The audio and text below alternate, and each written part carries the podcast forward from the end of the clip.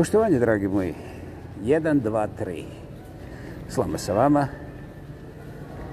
123. put. Evo, martovsko vrijeme, danilo malo snijega i sada je to. A da, puna najava glasi.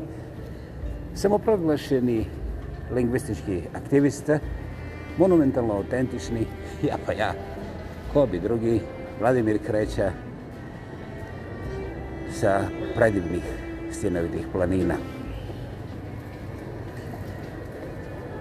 A, Bogu hvala. Čak uz vrlo jasan rizik da me dobar dio slušateljstva nazove bogomoljcem ili nekakvim um, oltaralizačem ili bilo čime drugim, samo napraviti gospodo, tu apsolutno nema problema jer sve te etikete vi morate proizvesti pa tek onda svijetu obznaniti kako ste izalijepili meni na čelo i ja sam hehehe, opet Bogu hvala naučio naučio da etikete pripadaju onima koji ih stvaraju, koji ih šire, koji onima debatiraju i tako dalje redom. Skužili ste ideju vrlo glatko.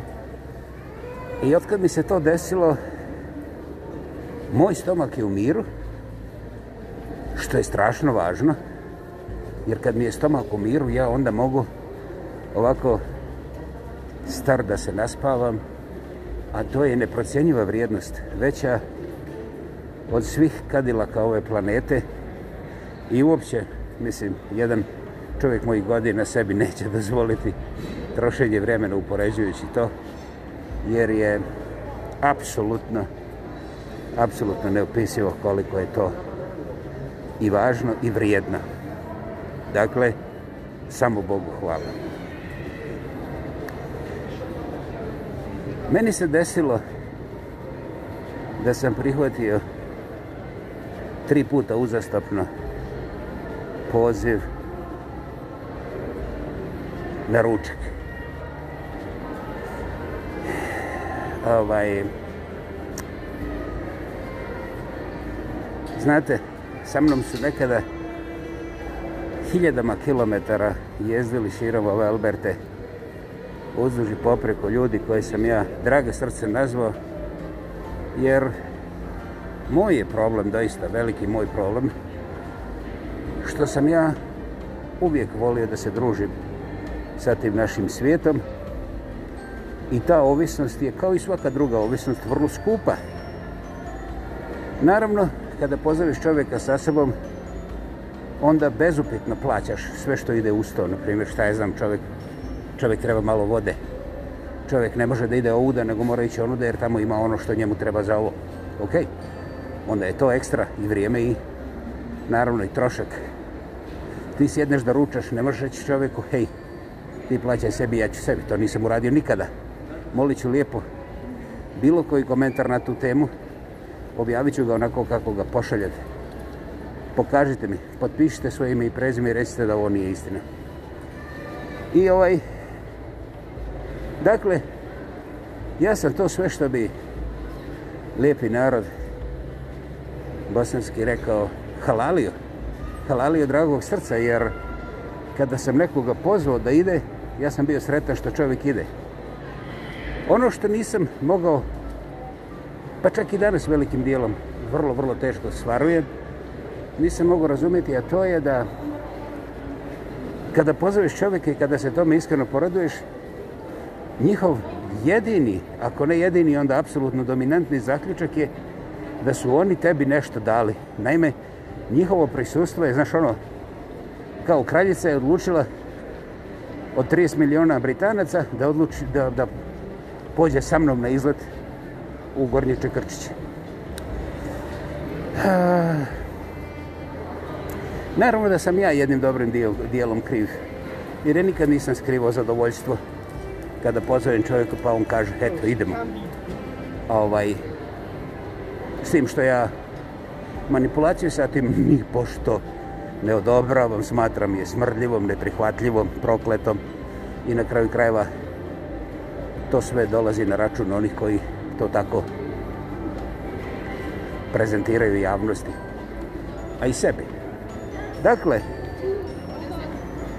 ja sam se radovao i nisam imao matematiku iza toga, nego a, da, to je ono moje vječno dijete, idemo na izlet, drago mi je da nas ima što više i onda, pošto ja ipak nisam zilioner, ali sam dijelio opet narodnim rječnikom ono što se kaže do balčaka, sve što je bilo na raspolaganju. I nisam radio matematiku. Dakle, to je bio jedan od glavnih principa mojeg ponašanja za kojega sam ja od Helene bio upozoren da će biti puno skuplji u svemu nego samo u parama, ali ja sam rekao da naši ljudi ipak nisu ni tupovi, ni podli koliko se njima to prešiva. Helene i nebo znaju koliko sam ja bio u krivu i ja se nipošto ne želim, ja mislim da sam tve, sve to sam gradio, sam zaslužio i na kraju krajeva to je ona ultimativna pravda svemira. Ono što siješ, to žanješ ili kako moja baka kaže, kako pravo, tako zdravo sine, što sam ja zbog nečega zapamtio, ali značenje proučavam i danas. 50 godina kasnije. Eto. I onda dolazimo u situaciju da ja bivam pozvan u kraćem periodu tri puta na ručak. Hm. Ok, prije toga samo da kažem, jedan od mojih temeljnih životnih principa. Kada se nađem negdje, x, y, nije bitno, i čovjek mi kaže, slušaj, daj mi 10 dolara, pogledaj, ovo je prilika, ne smijem propustiti, nemam sitno, šta je znam i tako dalje. Ja vrlo dobro znam da to što taj čovjek slika kao priliku, vidim to svojim očima, nema veze s tim. Ja vrlo dobro znam da on neće to nego nešto drugo. Ja vrlo dobro znam da on ima tih 10 dolara. I ja vrlo dobro znam sa gotovo apsolutnom sigurnošću da taj čovjek hoće eto tek tako što bi rekao naš narod opet da se ogrebe. I ja prešutim i dam. Dam, zahvalam Bogu što mogu Jer ako mogu njemu dati 10 dolara, vjerovatno imam 15 za svoj obrok. Najčešće. I Bogu hvala, tako i bilo kroz moj život. I onda taj čovjek dođe drugi put. I opet me laže ravno u facu. I opet ja naravno ništa nisam primijetio. I opet dam jer mislim, hej, do sad je to 20 dolara. Mislim, ako se ja počnem zabrinjavati za 20 dolara, onda, onda sam ja vrlo brzo, ne samo na psihijatriji, nego i puno dublje Dakle, izgubit ću dva rukava, dobit ću jedan i onda ću cijelog života ići okolo sa kalkulatorom kome mogu ovo, kome mogu ono, kakvi ugovori, dogovori. A pošto nisam zilioner, ne mogu mi sutra tražiti dva miliona jer ako mogu, onda neka uzmu, ja nemam ništa protiv. Dakle, moja logika je bila, ne možeš me dovesti u situaciju da budem gulamfer da budem golja. Ali eto, možda ću ja preskočiti taj ručak jer dao sam još jednom danas 10 dolara, pa onda uh, to mi je dobro, to je zdravo preskočiti jedan put u neko vrijeme obrok, a dao si nekome, ok. I onda misliš, ljudi će shvatiti da ti nisi ovaj, ta kasa, ali već je kasno. Njih ne zanima jesi li ili nisi, ti si dva puta dao, Dakle, oni sad apsolutno nastupaju kako si ti čovjek ne bi dao 30 dolara. Razumiješ? Mislim, pa to ima svaki bjednik. I oni sa uvredama nastupaju sa Johnom. Ja prešutim o, igrajući na izbjegavanje nepotrebne konfrontacije, kažem, ej, slušaj, evo, ja nemam u džepu, ako možeš naći, evo, gledaj u džepu, ja dop čak dopustim i to, samo ponižavam se aktivno da bih izbjegao nešto što ne znam šta je. A oni misle da se ja njih plašim. Dakle, to je meni pomoglo da otkrijem trulost balkanskog karaktera koja je naravno napravila stravičnog zla sama sebi i nastavlja, nastavlja sa velikim zaletom. E, uskoro feudalizam stiže u te krugove. A ja sam, Bogu hvala, duboko duboko, duboko, duboko i iskreno svim svojim gnjevnima, ne samo genima. Zahvalan Kanade što mi je dala onaj plavi, lijepi pasaport sa kojim ja mogu ovaj da idem do sa Skečuana, pa i do Manitobe i da mi ne može doći na vrat ni jedan od ovih, a šta je 30 dolara. I onda dolazimo u to da ja recimo dođem kod tih istih ljudi, pokušam nešto kupiti i ja kažem trebaju mi tako neke nike patike. O meni donose borovo čizme, naravno istrošene, izrašene. I kaže, ovo je bolje od nike patike, ovo niko kao ti neće nositi lijevo desno. Ja opet progutam jer To je toliko brutalno da zaustavi dah. Mislim, ono, da platim čovjeku napor, barem, i da se uklonim. Sljedeći put on me uče za ruk i opet mi nudi tako sličnu stvar i ja opet šutim. Šta sam htio reći? Ja nikad nisam bio žrtva.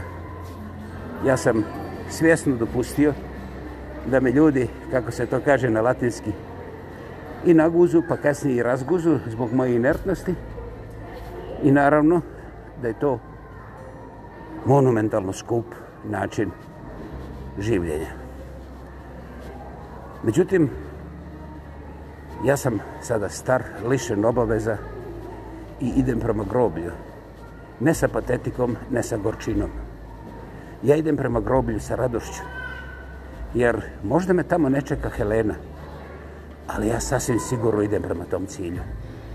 Ja sam apsolutno betoniran i neću čak ni da raspravljam koliko sam sretan da odlazim tamo gdje je Helena, pa ako se u tom svemiru bez kraja ni, ni slučajno ni ne dodirnemo, to je okej, okay, to je od Boga, ali ja više nemam nikakve sumnje da moj život nije čak ni stotinu godina ni blizu toga, i da ja sasvim svjesno odlazim tamo. Ne zato što bih ja nekom rekao, u, požuri, vrati mi 30 dolara. Ne. Zadržite sve. Zadržite sve. I sve što možete sa mene da isjedite, isjedite. To je svakako dobro. Možda, ne znam, provjerite kasnije. Ja sam u životu vrlo, vrlo skupo platio. Vrlo, vrlo teško sam se uporavljao uh, eh, i to sa ljudima koje sam vrijeđaju napadom. Prije svega mislim na moje psihijatre, psihologe i kancelore. Ovaj, bio sam na ivici definitivnog užasa u zdravstvenom mentalnom stanju i ovaj ne zbog nekih drugih ozbiljno ja njih nepravda ni slučajno nego zbog sebe ja sam mislio hej, hajde ovaj put da progutam hajde ovaj put da progutam na kraju se pretvoriš u kanalizaciju i onda kažeš oni su me napravili kanalizacijom Ne, oni će napraviti svakoga u svom okruženju kanalizacijom. I zbog toga ja sa ponosom kažem, ja sam, ja sam se najogovana, masnih, skupih, preskupih, besmislenih, ali desilo se da su neki glupi kanadski psihijatri, psihologi, psiholozi, kancelori dozvolili meni u jednom dužem periodu da ja njih napadam i maltretiram, I onda se odjedno meni upalilo svjetlo, ne znam kako, da li zbog lijekova ili zbog njih. Ja gledam u ljude, oni trpe šta ja tu serviram i koje sve ti rade. I onda odjednom desi se noć da je prespavam, nema nikog oko mene, ne treba mi više niko na mojim putovanjima. Ja odem u planine kad je oluja. A da, baš pretpošlog vikenda sam otišao na vrh planine u Oluju. I opet mi se desilo da pozovem jednog našeg čovjeka, ozbiljnog, starijeg. I sve se ponovilo u dlaku. I onda ja više nisam bio ni zabrinut, ni tužan, nego sam znao to je zadnji put da sam ja nekoga našega pozvao sa sobom, ne samo u planine, bilo gdje. Bilo gdje. Gospodo, pozovite vi sebe gdje god hoćete, vi ste slobodni ljudi i to je Boži blagoslov. Dakle, ja sam bio u uvjerenju da će njihov mozak poraditi, ili ako ne mozak, da barem oči mogu da prepoznaju da već sedam puta lažu jednu te istu stvar. Međutim, oni svoju inteligenciju ne koriste na taj način i to sasvim sigurno jesu inteligentni ljudi koji su zarobljeni u svoje trikove, koji po njihovom uvjerenju radi perfektno i koji su zapravo najbolji ulog, najbolje investicije za njihov napredak i napredak njihove familije. Sretan put, gospoda. E, ja više neću da vam kažem što vas na tom putu čeka. Vidljivo je sa Marsa, a vi to svakako, svakako ne želite vidjeti i to onda ne postoji na vašem obzorju. I eto, kada mi se prelomilo, zove me čovjek na ručak, ne bih komentirao jelovnik, pa me onda zove ponovo, I onda me zove treći put. I onda pukne kao bomba. Jebate, ovaj grad od milijon i pol ljudi. Ali je teško za vjerovaj. Dobro, možda sam ja naivan. Odjednom se saznaje kako ovaj meni plaća hranu. Razumiješ? Naime, istina je da je on platio ta tri ručka. A, I uopće me ne zanima koja je matematika iza toga. Naime, ja nemam odbrane, ja sam bio pozvan, ja sam svaki put pitao da li ja trebam da platim, da li ja trebam tu ovaj, čisto reda radi, jer ako sam bio pozvan, onda ja doista očekujem da onaj ko je pozvao pokupi taj račun, jer to sam ja radio cijelog života. Naravno, ako me pozove i kaže ja nemam para, a želim da idem tamo, jel možeš ti? Onda ću ja to uvijek poštovati i reći, e, danas ne mogu, ali čim dobijem ove pare, evo, ajmo preko sutra. Da. I svi znaju da se sa mnom mogu dogovoriti, jer ja ipak svoj buzdovan čuvam u garaži, a ne nosim ga zakačenog na laktovima. I nisam tako krvoločan, osim kada me je bedu na suvo. Dakle, taj čovjek je onda odjednom, ja ne bih šta su i kako su, ali on je odjednom ispalo da mene hrani, da ovaj, ja njega iskorištavam od ovih drugih. I znate, to je početak sage, a imajte na umu da je to period od dvadesetak dana u milijonskom gradu koji se proteže 70 km sjever-jug. Dakle, prosto nevjerovatno, ja ne znam, kako sam ja važniji za taj trač od, ne znam, od Trumpa. On se ne pominje toliko. Nije mi, nije mi jasno, doista mi nije jasno. Ali nije bitno, neka ostane tako. I sad bih ja trebao dokazati ko je kome šta rekao. Fuj! Jer obrok koji sam dobio jeste imao svježu salatu. Znaš, kad isjećaš ovaj svježi kupus i ostaviš ga samo jedno popodne, čak i u frižideru, pa koliko god limuna sipaš na njega, on ne može više biti svjež. Jer taj kupus zbog velike dehidracije i osjetljivosti na temperaturu mijenja konzistentnost. Čovjek koji to radi je cijeli život u biznisu sa hranom i vrlo dobro zna, ali ipak dođe kod mene i konzervirani gurvaš, gulaš mi tretira kao frišku hranu, a meso je staro najmanje 5 godina.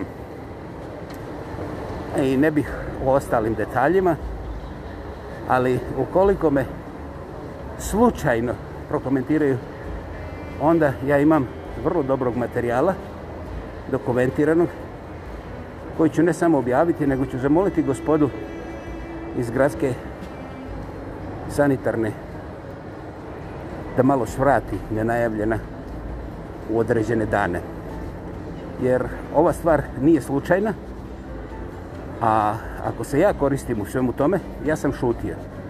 Ja sam šutio, ja sam se slagao, ja sam bio, ja sam bio čovjek koji razumije da su vremena teška, ali ne razumijem da mi neko pod svježe počenje poturi nešto što je hlađeno i podgrijavano, barem ja bih rekao 55 puta, ali ok, zadržat ću se na pet. Ne želim onda da mi se to naplati po premium cijeni, a pogotovo neću oprostiti nikada kad mi se unese u facu kako je to svježe i fantastično i tako dalje. Koliko god košta da košta, neka košta, ja nisam platio. Ja sam platio takozvano miješano meso koje je opet poseban, poseban Frankenstein za sebe o kome ne bih pričao, ali imam fotografiju da pokaže, bit će vam jasno odmah. To će biti na blogu ukoliko vi žele bilo kakvu diskusiju, bilo kakav dijalog. I Mislim, ja mogu da pokažem na čemu počiva taj biznis, ali ja nisam mogu pomisliti da će ono uzeti čovjeka koji je mene pozvao, kome ja i tekako ovaj, platih barem 300 ručaka i imam dokaze za to. Imam od filma, od fotografije, od računa u periodu dužem od 15 godina i onda ko njega pljačka. Dakle, gospodo, Ovo je stvarno govnjivi balkanski trač, hrčma, ispod krčma. I ja sa ovoma nemam šta razgovarati, ali za svaku vašu laž ja ću vam dati dvije činjenice koje ja mogu dokazati na 20 različitih načina. I onda, ako vam to ne bude jasno, onda ću ja to naravno javno prezentirati našim dragim kalgarijancima, naravno na engleskom, jer ja ne razumijem zašto vi hoćete apsolutnu poslušnost, zašto vam trebaju ljudi kao prostirke za vaše kaprice, ideje ili... Ja stvarno ne znam, ja stvarno ne znam. A, ja imam svoju dušu i ne možete me poniziti čak ni kada bude potpuno gol i gladan, jer ja iz ovog svijeta upravo sada odlazim uspravno. Ja sam potpuno svjestan da sam ja kriv što sam vam dao šansu. Ja sam potpuno svjestan da neki mladi pametni ljudi slušaju i prepoznaju gdje mi je mjesto i kako im je komunicirati u buduće. Znate, vrijeme u kojem je crno-bijeli svijet, odnosno naši njivi odlučivao sve, je jednostavno na izdisaju. Rađaju se ljudi koji imaju svoju personalnost, koji su individualci i koje boli dupe što vi mislite o njihovoj narančastoj kosi ili možda, šta je znam, prihvaćanju da im neko plati ručak tri puta ili 33 puta. To je njihova personalna stvar i oni je neće nikad komentirati kao ja. Ja sam taj dinosaur koji još uvijek komentira, koji još uvijek ima ostatke ovoga toplog, običnog ljudskog, brljavog, malog dječijeg. Ali i ja sam vrsta koja izumire i pred vama je blistav život. Prepun vaših svinjarija, ali sa trikovima kojima izlazite pred ljude, nikada nećete biti više od prosjeka, a i taj prosjek će smrditi i bit će vrlo težak za vas. Tu se ne možete žaliti na mene, A ja vam zahvaljujem što ste me isprovocirali da ja moj 123. podcast posvetim interakciji sa vama, jer želim da ovih nevjerovatnih XY ljudi koji su navikli na ovaj podcast dobiju malo dublju sliku i o mojim personalnim odlukama, jer teme koje dolaze su dosta kompleksne i svakako ovaj imperfektni dodir stvarnosti ja nalazim korisnim za svakoga. Ja se nadam da će ovi pomenuti, a neimenovani, imati dostojanstva da primijete kako je najbolje šutiti, posebno prema meni ako žele da mi poklone kadilak, neka ga poklone svome djetetu i nauče ga kako se to koristi. Jer to djete ima budućnost, a ja, rekao, idem na groblje. Dakle, meni ne trebaju vaše bilostinje i vaše indulgencije kajanja, jer to je ono što je bilo u vašoj glavi i prije, a možda i danas. Ja zapravo imam slobodu. I tu slobodu ne želim koristiti protiv nikoga. Ali ako se popnete meni na vrat sa vašim svježim konzervama koje naplaćujete kao friške gulaše i onda objasnite čovjeku koji je to platio da ga ja iskoristavam da mi plati to govno koje sam ja pojao, eto, samo da ne uđem u diskusiju, nego sam se složio. Ako mislite da se ja toliko glup, da ja toliko nisam primijetio, hu, gospodo, nastavite tako, ali rekoh sa poštovanjem. Ako nastavite tako, gdje god me dodirnete, I'll make sure to show you what I've seen.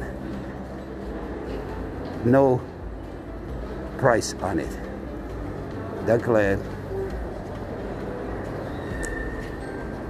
koje sada na potezu, zabole me. Ja nisam na potezu. Ja sam u životu, ja dišem. Ja imam 100 godina još i krećem se, i šetam, i nešto stvaram, i igram se, i još sam dijete. Opljačkan sam duhovno, materijalno, moralno i uopće se ne želim, nego sam primijetio da je to Boži dar, jer ja sam dozvolio da budem opljačkan. Sada je vrijeme koje ja koristim za disanje, za uživanje i za pripremu moga puta tamo odakle se niko ne vraća. A vama? Vama ne mogu poželjeti ni loše, ni dobro, ni srednje. Vi već imate kao onaj ogroman tanker svoj kurs za koji vjerujete da je jedini mogući i ne želite da razmišljate o mogućnosti mijenjanja kursa. Dakle, To je ono što ja vidim. Da li je nešto drugo u pitanju? Znate, ja neću ispitivati. Ja neću ispitivati. Mislim, bez obzira na ovu non-scripted diskusiju, da ste razumili sve što je ključno važno, jer vi ste rođeni inteligentni. Kako tu inteligenciju koristite? nije moje pitanje, nije moja stvar. I još najviše i najbolje, ja tu inteligenciju ne mjerim. Ali postupci kojima sam bio izložen, koji su ravno ciljani u moju facu, u moj karakter, to neću prešutiti. Jučer, danas, sutra. I to je jedna prijateljska informacija. Ja svoj buzdovan ne vadim iz garaže, a vi sa svojim razbite mi glavu ako ja stojim i čekam. I opet, ako u tom uspijete, ja kažem halal vam bilo. Jer ja sam stvarno na odlasku i ako neko uzme buzdovan pa mi razvoze glavu, to je divno, to je predivno. To dokazuje da ja nisam bio spreman da se izborim za svoj život. Dakle, potpuno sam zaslužio šta me je snašno. Eto, ja vas nisam sada pohvalio, Nisam vas ni pokudio, ja sam vam dao informaciju. Bez ikakvih emocija. Dakle, gospođo, da, gospođo, gospodo, dao sam vam informacije. Učinite uslugu sebi, procesuirajte informaciju, razmislite. I vi imate u životu šansu, ali samo onoliko koliko je date sebi. Kako to radi? Znate, vi niste moja familija, moji prijatelji, da bih vam ja objašnjavao to ali sasvim sigurno imate kapacitet da uradite i puno bolje ukoliko vas se zainteresira. Sretna? Bila je ovo 1, 2, 3. 123. slama sa vama. Samo proglašeni lingvistički aktivista, monumentalno autentični, ja pa ja, Vladimir Kreća sa predivnih stinovitih planina. Hvala vam svim srcem i Čujemo se čim prije. Hvala.